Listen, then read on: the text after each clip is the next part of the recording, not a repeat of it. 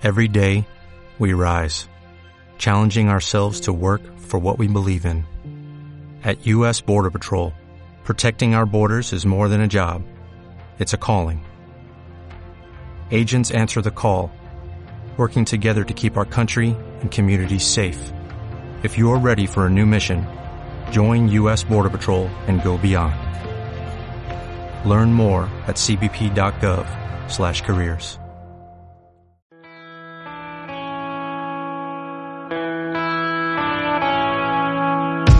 Ciencia 5. Un podcast sobre ciencia, un canal de YouTube, un blog e moitas, moitas, moitas máis cousas. Comezamos.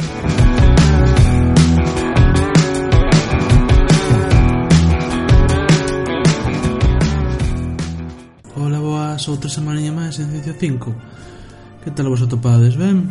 Ah, pois eu aquí estou Rematando xa a tempada é o libro de Stephen Hawking Historia do tempo do Big Bang aos buratos negros. E vamos alá.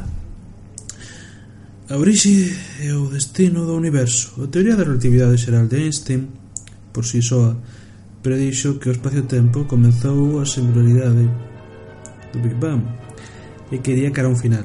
Ben, a singularidade do Big Crunch gran, gran ruptura ou gran, sí, gran crunch. Que se, como se define crunch? Que algúns cereais son crunchies, son cereais, si, sí, crujientes. Como se dice en galego? Que cruxen, crux... Non o sei. É un termo que teño que aprender. Implosión, buscade no dicionario. Na broma, eh? Se queredes, pude buscar agora, pero que mangaría moito tempo. Como se dice mm, cruxintes non me sona ben eh, crocantes. Crocantes. Un gran crocante. Nah. Un gran estalido. Sí, gran estalido, gusta demais. Implosión. Se o universo inteiro colapsase de novo, ou ven unha singularidade dentro dun burato negro, se unha reacción eh, local, como unha estrela, fose colapsarse. Calquera materia que caera no burato sería destruída na singularidade e soamente o efecto gravitatorio da súa masa continuaría sentíndose fora. Por outra parte, tendo en conta os efectos cuánticos, parece que a masa ou a enerxía da materia terá que ser de volta finalmente ao resto do universo e que o burato negro que xunto con outros sin calquera outra singularidade dentro del evaporaríase e por último desaparecería. Podería a mecánica cuántica ter un efecto igualmente espectacular sobre as singularidades do Big Bang e do Big Crunch. Que ocurre realmente durante as etapas moi temperanas ou moi tardías do universo?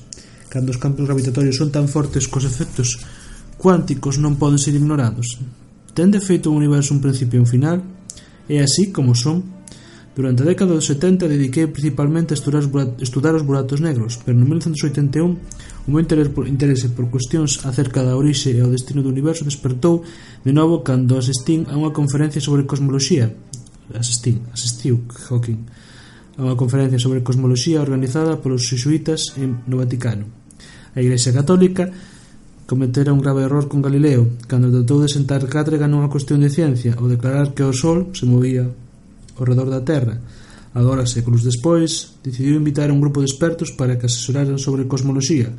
Ao final da conferencia, os participantes concediuselles ou deuselles unha audiencia co Papa. Dixolles o Papa que estaba ben estudar a evolución do universo despois do Big Bang, pero que non deberíamos indagar no Big Bang mesmo, porque tratábase do momento da creación e, polo tanto, da obra de Deus. Alegrouse Stephen Hawking entón de que non coñecese o tema da charla, pois el acababa de dar unha conferencia a posibilidade de que o espacio-tempo fose finito, pero non tivese ninguna fronteira, o que significaría que non houve ningún principio, ningún momento da creación.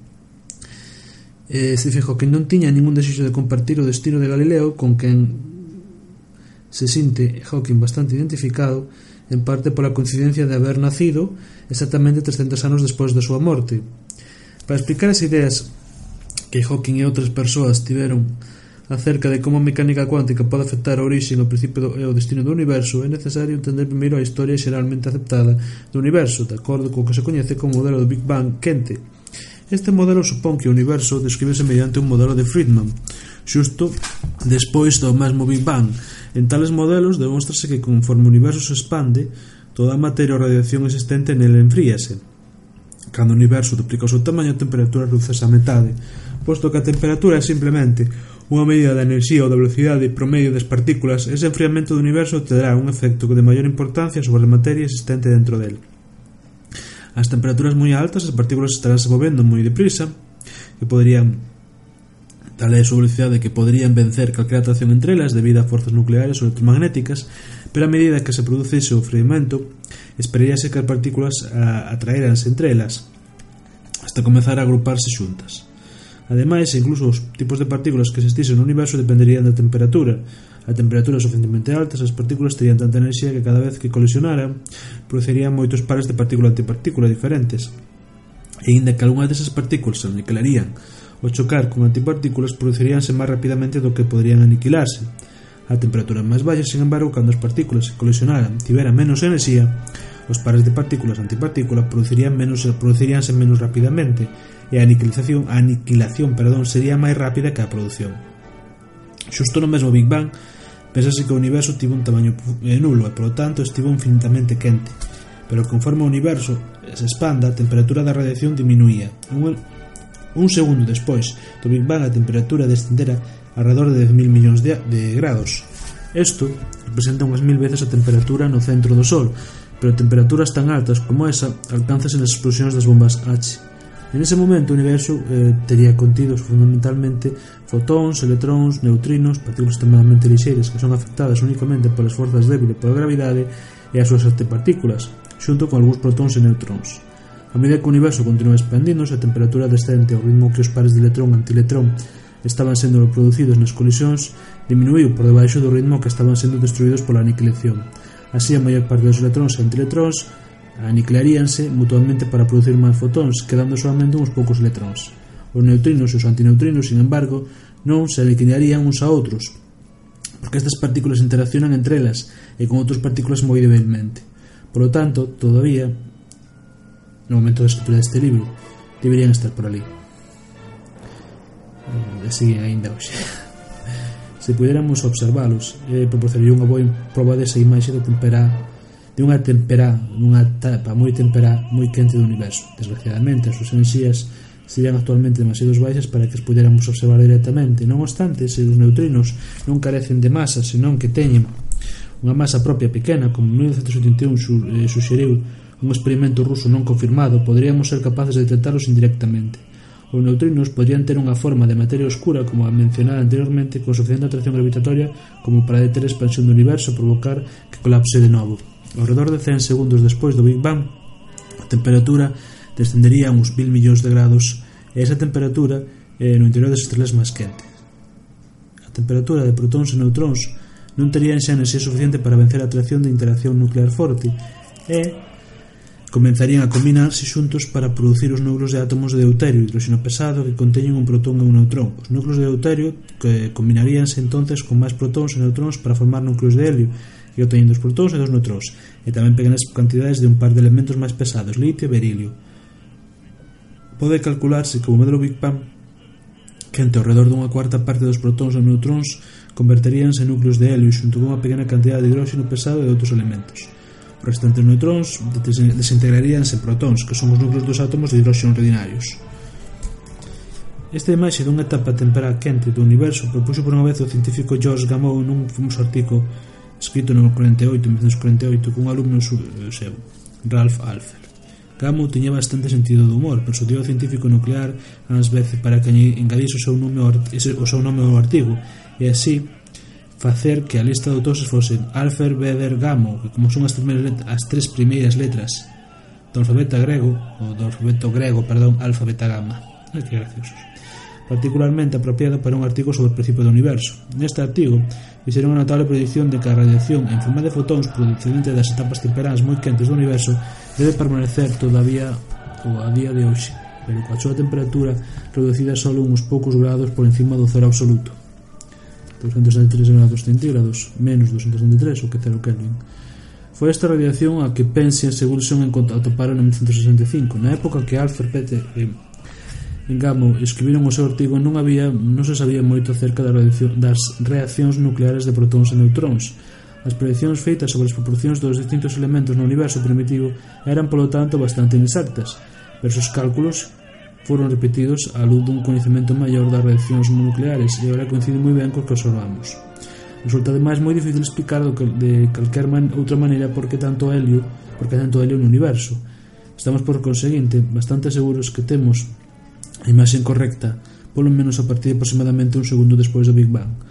Tan só unhas horas despois do Big Bang, a produción de helio e outros elementos deteríase. Despois, de, durante un seguinte un millón, millón de anos, máis ou menos, o universo eh, continuaría expandíndose sin que ocorrese moito máis. Finalmente, unha vez que a temperatura descendera uns poucos de miles de grados e os electróns e os núcleos non tivesen xa suficiente energía para vencer a atracción electromagnética entre eles, Estos comenzarían a combinarse para formar átomos. O universo en conxunto seguiría expandíndose e enfriándose, pero en rexións que fosen lixeramente máis densas que a media, a expansión sería retardada pola atracción gravitatoria extra. Esta detería finalmente a expansión en algunhas rexións e provocara, provocaría que comenzasen a colapsar de novo. Conforme eh, se estuvesen colapsando, o tirón gravitatorio debido á materia fora destas rexións podría empezar a facelas girar lixeiramente a medida que a rexión colapsante se fixera máis pequena, daría volta sobre si mesma cada vez máis deprisa, exactamente a mesma forma que os patinadores dando voltas sobre o xeo xiran máis deprisa canto encollen os brazos. Finalmente, cando a rexión fixera suficientemente pequena, estaría xirando suficientemente deprisa como para comenzar a atracción da gravidade. De este modo, eh, nacerían as galaxias giratorias en forma de disco. Outras rexións, por, porque por algún azar non tiveran adquirido, non, non adquiriran e rotación convertiríase en objetos ovalados chamados galaxias elípticas. Nestas, a rexión deixaría de colapsarse polo que partes individuais da galaxia estarían xirando de forma estable ao redor do seu centro, aínda que a galaxia no seu conxunto non tería rotación. A medida que o tempo transcurrese, o gas de hidróxeno aéreo das galaxias desgraíase en nubes máis pequenas que comenzarían a colapsarse debido á súa propia gravidade. Conforme se contraen, e os átomos dentro dela colisionan, colisionan uns entre outros, a temperatura do gas aumentaría ata finalmente estuvera suficientemente quente como para iniciar reaccións de fusión nuclear. Estas reaccións converterían o hidróxeno en máis helio e o, calor, e o calor desprendido aumentaría a presión, o que impediría as nubes a seguir contraéndose. As nubes permanecerían estables neste estado durante moito tempo como estrelas de tipo noso Sol, queimando hidróxeno para formar helio e rendendo enerxía resultante en forma de de calor e luz. As estrelas cunha masa maior necesitarían estar máis quentes para compensar a súa atracción gravitatoria máis intensa, o que faría que as reaccións de fusión nuclear producise moito máis, se producise moito máis deprisa, tanto que consumirían o seu hidróxeno nun tempo tan corto como 100 millóns de anos. Contraríanse entonces lixeiramente e a quentarse máis empezarían a convertirse en helio en elementos máis pesados como carbono e oxígeno. Isto, sen embargo, non liberaría moito máis enerxía de modo que se produciría unha crisis, como se describeu no capítulo sobre buratos negros O que sucedería a continuación non estará completamente claro, pero parece probable que as rexións centrales da estrela colapsarían hasta un estado moi denso, tal como unha estrela de neutróns ou burato negro. As rexións externas da estrela poderían verse, poderían, perdón, a veces ser despedidas nunha tremenda explosión chamada supernova, que superaría o brilo a todas as demás estrelas xuntas da súa galaxia. Algún dos elementos máis pesados producidos ata cara, cara ao final da vida da estrela serían a, a, a, a, a lanzados De novo, o gas da, no, da galaxia proporcionaría parte da materia prima para a próxima xeración de estrelas. O noso propio Sol contén, contén alrededor dun 2% dos seus elementos máis pesados, xa que é unha estrela de segunda ou terceira xeración, formada fai uns 5.000 millóns de anos a partir dunha nube xiratoria de gas que contiña os restos de supernovas anteriores. A maior parte do gas desa nube o ben serviu para formar o Sol o ben foi a, a, a lanzada fora, pero unha pequena cantidade dos elementos máis pesados acumuláronse xuntos para formar os corpos que ora xiran alrededor do Sol como planetas igual que a Terra. A Terra estaba inicialmente moi quente sen atmósfera. Co transcurso do tempo enfriouse e adquiriu unha atmósfera mediante emisión de gases das, das rocas, das rochas. Nesa atmósfera primitiva non habería mm, non sería posible vivir. Non contía nada de oxígeno, perdón, e senón unha serie de outros gases que son venenosos para nosotros, como o sulfuro de hidróxeno, gas que era os seus poderes e solor tan característico, hai, sen embargo, outras formas de vida primitivas que se podrían prosperar en tales condicións. Pénsase que nestas desarrollaron os océanos, principalmente como resultado da combinación azar de átomos en grandes estructuras, chamadas macromoléculas, as cales eran capaces de reunir outros átomos do, do océano para formar estruturas similares.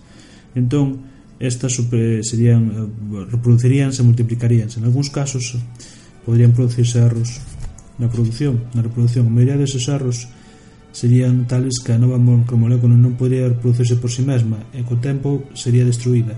Sen embargo, un pouco deses erros producirían novos macromoléculas que serían incluso mellores para reproducirse a si sí mesmas. Estas terían, polo tanto, ventaxa e terían, tenderían a reemplazar as macromoléculas orixinais. Deste modo, iniciouse un proceso de evolución que conduciría ao desenvolvemento de organismos autorreproductores cada vez máis complexos, As primeiras formas primitivas de vida consumirían diversos materiais incluindo o de hidróxeno e desprenderían oxígeno. Isto cambiou eh, gradualmente a atmósfera hasta chegar a unha composición que ten hoxe en día permitiu o desenvolvemento de novas formas de vida superiores como os peixes, reptiles, mamíferos e por último o xénero humano. Esta visión do universo comezou sendo moi quente que enfriaba a medida que se expandía está de acordo coa evidencia das observacións que posuímos na actualidade. Sin embargo, deixa varias cuestións importantes en contestar. Por que estaba o universo primitivo tan quente? Por que o universo tan uniforme a gran escala? Por que parece que o mesmo en todos os puntos do espacio en todas as direccións? En particular, por que a temperatura da radiación de fonte de microondas é tan aproximadamente igual cando miramos en diferentes direccións? é como eh, é como facer a varios estudiantes unha pregunta de exame. Se todos eles dan exactamente a mesma pregunta, mesma resposta, perdón, podes estar seguro de que copiaron entre sí. Sin embargo, no modelo descrito anteriormente non, eh, non, tería, non habería tempo suficiente a partir do Big Bang para que a luz fose dende unha rexión distante a outra, incluso en que as rexións, as rexións perdón, estivesen moi xuntas no universo primitivo. De acordo coa teoría da relatividade, Se a luz non é suficientemente rápida como para chegar dunha rexión a outra, ninguna outra información pode facelo. Así non habería ninguna forma en que as diferentes rexións do universo primitivo puderan haber chegado, puderan chegar, perdón, a ter a mesma temperatura, salvo que por unha razón inexplicable comenzasen xa a mesma temperatura. Por que comezou o universo cunha velocidade de expansión tan próxima á velocidade crítica que separa os modelos que colapsan de novo daqueles que se expansionan indefinidamente, de modo que incluso agora, 10 millóns de anos despois, está todavía expandíndose aproximadamente a velocidade crítica, se a velocidade de expansión un segundo despois do Big Bang fora menor, incluso nunha parte de 100.000 millóns, millóns perdón, o universo se colapsaría de novo antes de que eh, alcanzara nunca o seu tamaño actual. A pesar de que o universo seja tan uniforme e homoxéneo a gran escala, contén irregularidades locais tales como estrelas e galaxias. Pénsase que estas desenvolveronse a partir de pequenas diferencias nunha rexión e outra na densidade do universo primitivo. Cal foi a orixe destas flutuacións de densidade? A teoría da relatividade xeral por si sí mesma non pode explicar estas características ou responder estas preguntas, debido á predición de que o universo comezou cunha densidade infinita na singularidade do Big Bang. Nesa singularidade, a relatividade xeral e todas as demais leis físicas fallan. Non se podería predecir que, sal, eh, que, que obteríamos desa singularidade. Como se explicou anteriormente, isto significa que se poderían excluir da teoría do Big Bang e todos os sucesos anteriores a ele xa que non poden ter ningún efecto sobre o que nosotros observamos. O espacio-tempo tería unha fronteira un comezo do Big Bang. Perdón a interrupción, vamos a seguir logo ca lectura. Vale. Ui. Eh, vale. Sí, estamos aquí, non? Tamén me un pouquiño, non sei. Sí. Temos a que a maior parte do gas desa nube ou ben serviu para formar o Sol ou ben foi lanxada, lanzada fora, pero unha pequena cantidade dos, dos elementos máis pesados acumuláronse xuntos para formar corpos que xiran ao redor do Sol como planetas ao igual que a Terra. A Terra estaba inicialmente moi quente, sen atmósfera. O transcurso do, terra, do tempo enfriouse e adquiriu unha atmosfera mediante a emisión de gases das rochas. E na atmósfera primitiva non habría non sería posible vivir. Non contía nada de oxígeno. Isto é Xolin. Ei, Acabo de facer unha gamba de metedor de gamba. Estou Shaolin. Ui, xa se me pasou. Onde quedei? Acordadevos onde quedei?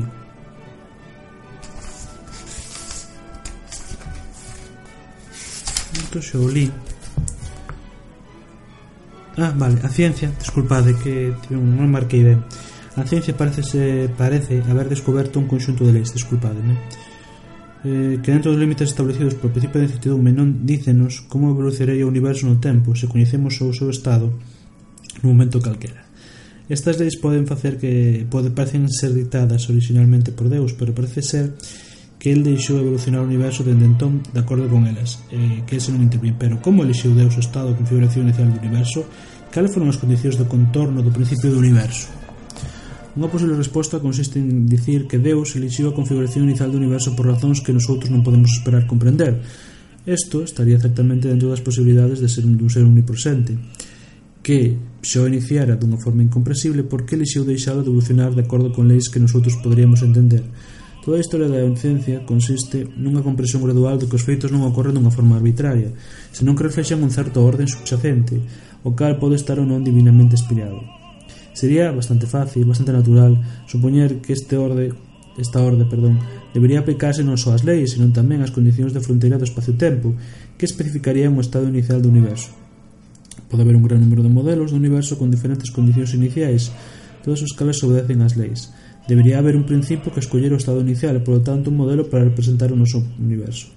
Unha posibilidade que se coñece como condicións de contorno caóticas, estas supoñen implicitamente ou ben que o universo é especialmente infinito ou ben que hai infinitos universos.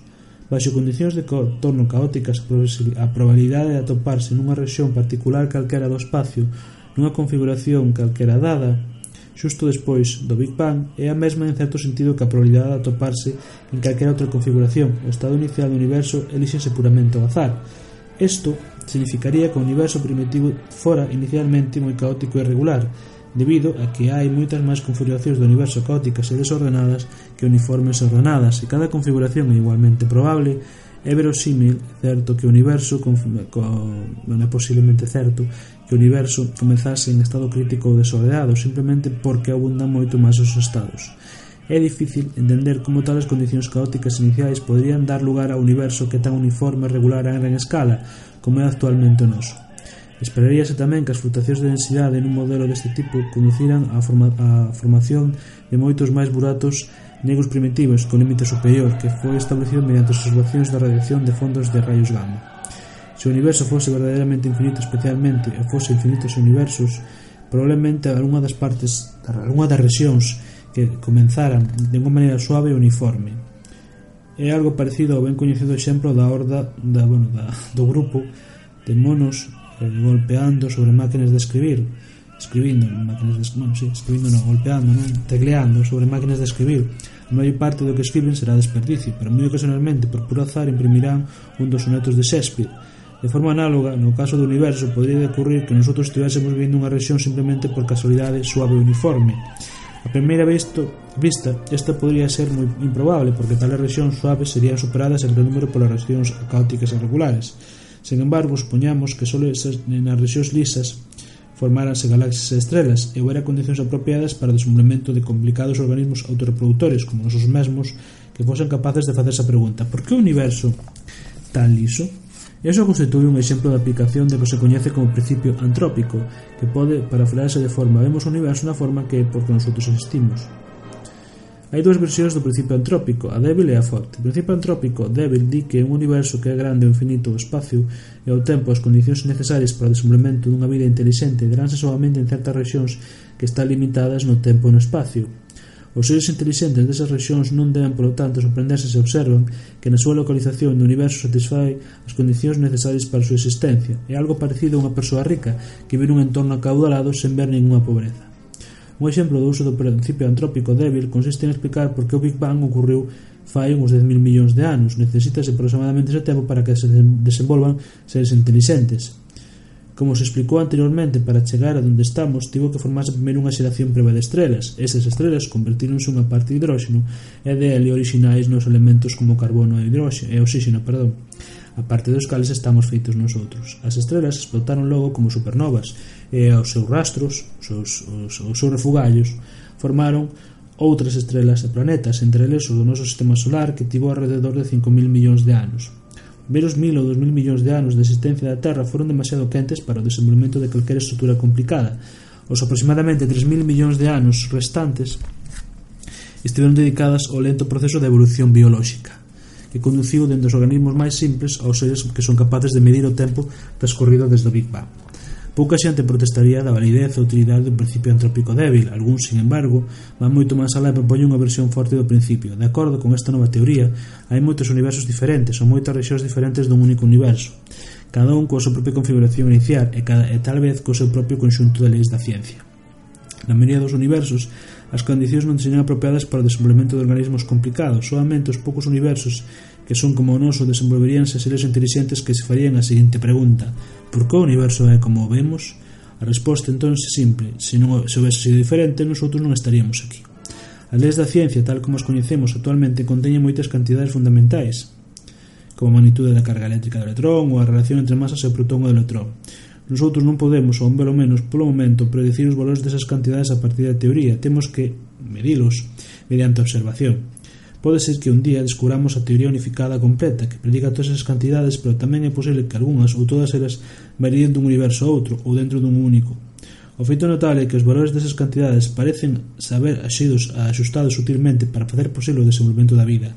Por exemplo, se a carga eléctrica do electrón hubiera sido só lixeiramente diferente, as estrelas non ou se capaces, incapaces de queimar hidróxeno ou helio, polo contrario, non explotarían. Por suposto, podría haber outras formas de vida intelixentes, non imaginadas ni sequera por escritores de ciencia ficción, que non necesitasen a luz dunha estrela como o Sol ou os elementos químicos máis pesados que son fabricados nas estrelas e devoltos ao espacio cando estas explotan. Sin embargo, parece evidente que hai relativamente poucas, poucas gamas de valores que as cantidades citadas permitirían o desenvolvemento de calquer forma de vida inteligente. A maior parte dos conxuntos de valores daría lugar a universos que, aínda poderían ser moi fermosos, non poderían conter a ninguén capaz de maravillarse desa beleza. Eso pode tomarse ou ben como proba dun propósito divino na creación ou a lección de leis da ciencia ou ben como sostén do principio antrópico forte. Pode poñerse varias asociacións a ese principio como explicación do estado observado do universo. En primeiro lugar, en que sentido pode dicirse que existen esos universos diferentes? E se están realmente separados uns de outros, o que ocurre noutro universo non pode ter ninguna consecuencia observable no noso. Debemos, polo tanto, utilizar o principio de economía e eliminarnos, eliminarnos, quitarnos da teoría. Se por outro lado hai diferentes rexións do espacio dun único universo, as leis da ciencia terían que ser as mesmas para cada rexión, porque de outro modo un podría moverse con continuidade dunha rexión a outra. Nese caso, as únicas diferencias entre rexións estarían nas configuracións iniciais e, polo tanto, o principio antrópico forte reduciríase ao débil. Unha segunda sección ao principio antrópico forte é que vai en contra da corrente de toda a historia da ciencia. Evolucionamos desde as cosmoloxías xeocéntricas de Ptolomeo e os seus antecesores a través da cosmoloxía heliocéntrica de Copérnico e Galileo ata a visión moderna na que a Terra é un planeta de tamaño medio que xira alrededor dunha estrela corrente nos suburbios exteriores dunha galaxia espiral ordinaria a cala a súa vez é soamente perdón, é soamente unha entre o billón de galaxias do universo observable. A pesar de eso, o principio entrópico forte pretendería que toda esa vasta construción existe simplemente para nosotros. Eso é moi difícil de creer. O noso sistema solar é certamente un requisito previo para a nosa existencia e eso podría estenderse ao conxunto da nosa galaxia para ter unha conta da necesidade dunha xeración temperada de estrelas e creasen os elementos máis pesados, pero non parece haber ninguna necesidade ni todas as outras galaxias nin que o universo sexa tan uniforme e similar a gran escala en todas as direccións. Un podría sentirse máis satisfeito co principio entrópico, ou polo menos na súa versión débil, se se pudiese comprobar que un bon número de diferentes configuracións iniciais do universo evolucionarían ata producir un universo como o que observamos, Se fose o caso, o universo que se desenvolvese a partir de algún tipo de condicións unidades aleatorias debería conter varias rexións que fosen suaves e uniformes e que fosen axeitadas para a evolución da vida inteligente. Polo contrario, o estado inicial do universo tivo que ser elixido con extremo cuidado para conducir a unha situación como a que vemos a noso alrededor, o noso entorno, sería improbable que o universo contivese unha rexión na que aparecese a vida. E aquí o deixamos, vamos a marcar e que non confundirnos como antes, así que moitas gracias por escoitarme, E falamos dentro dunha semana. Moita ciencia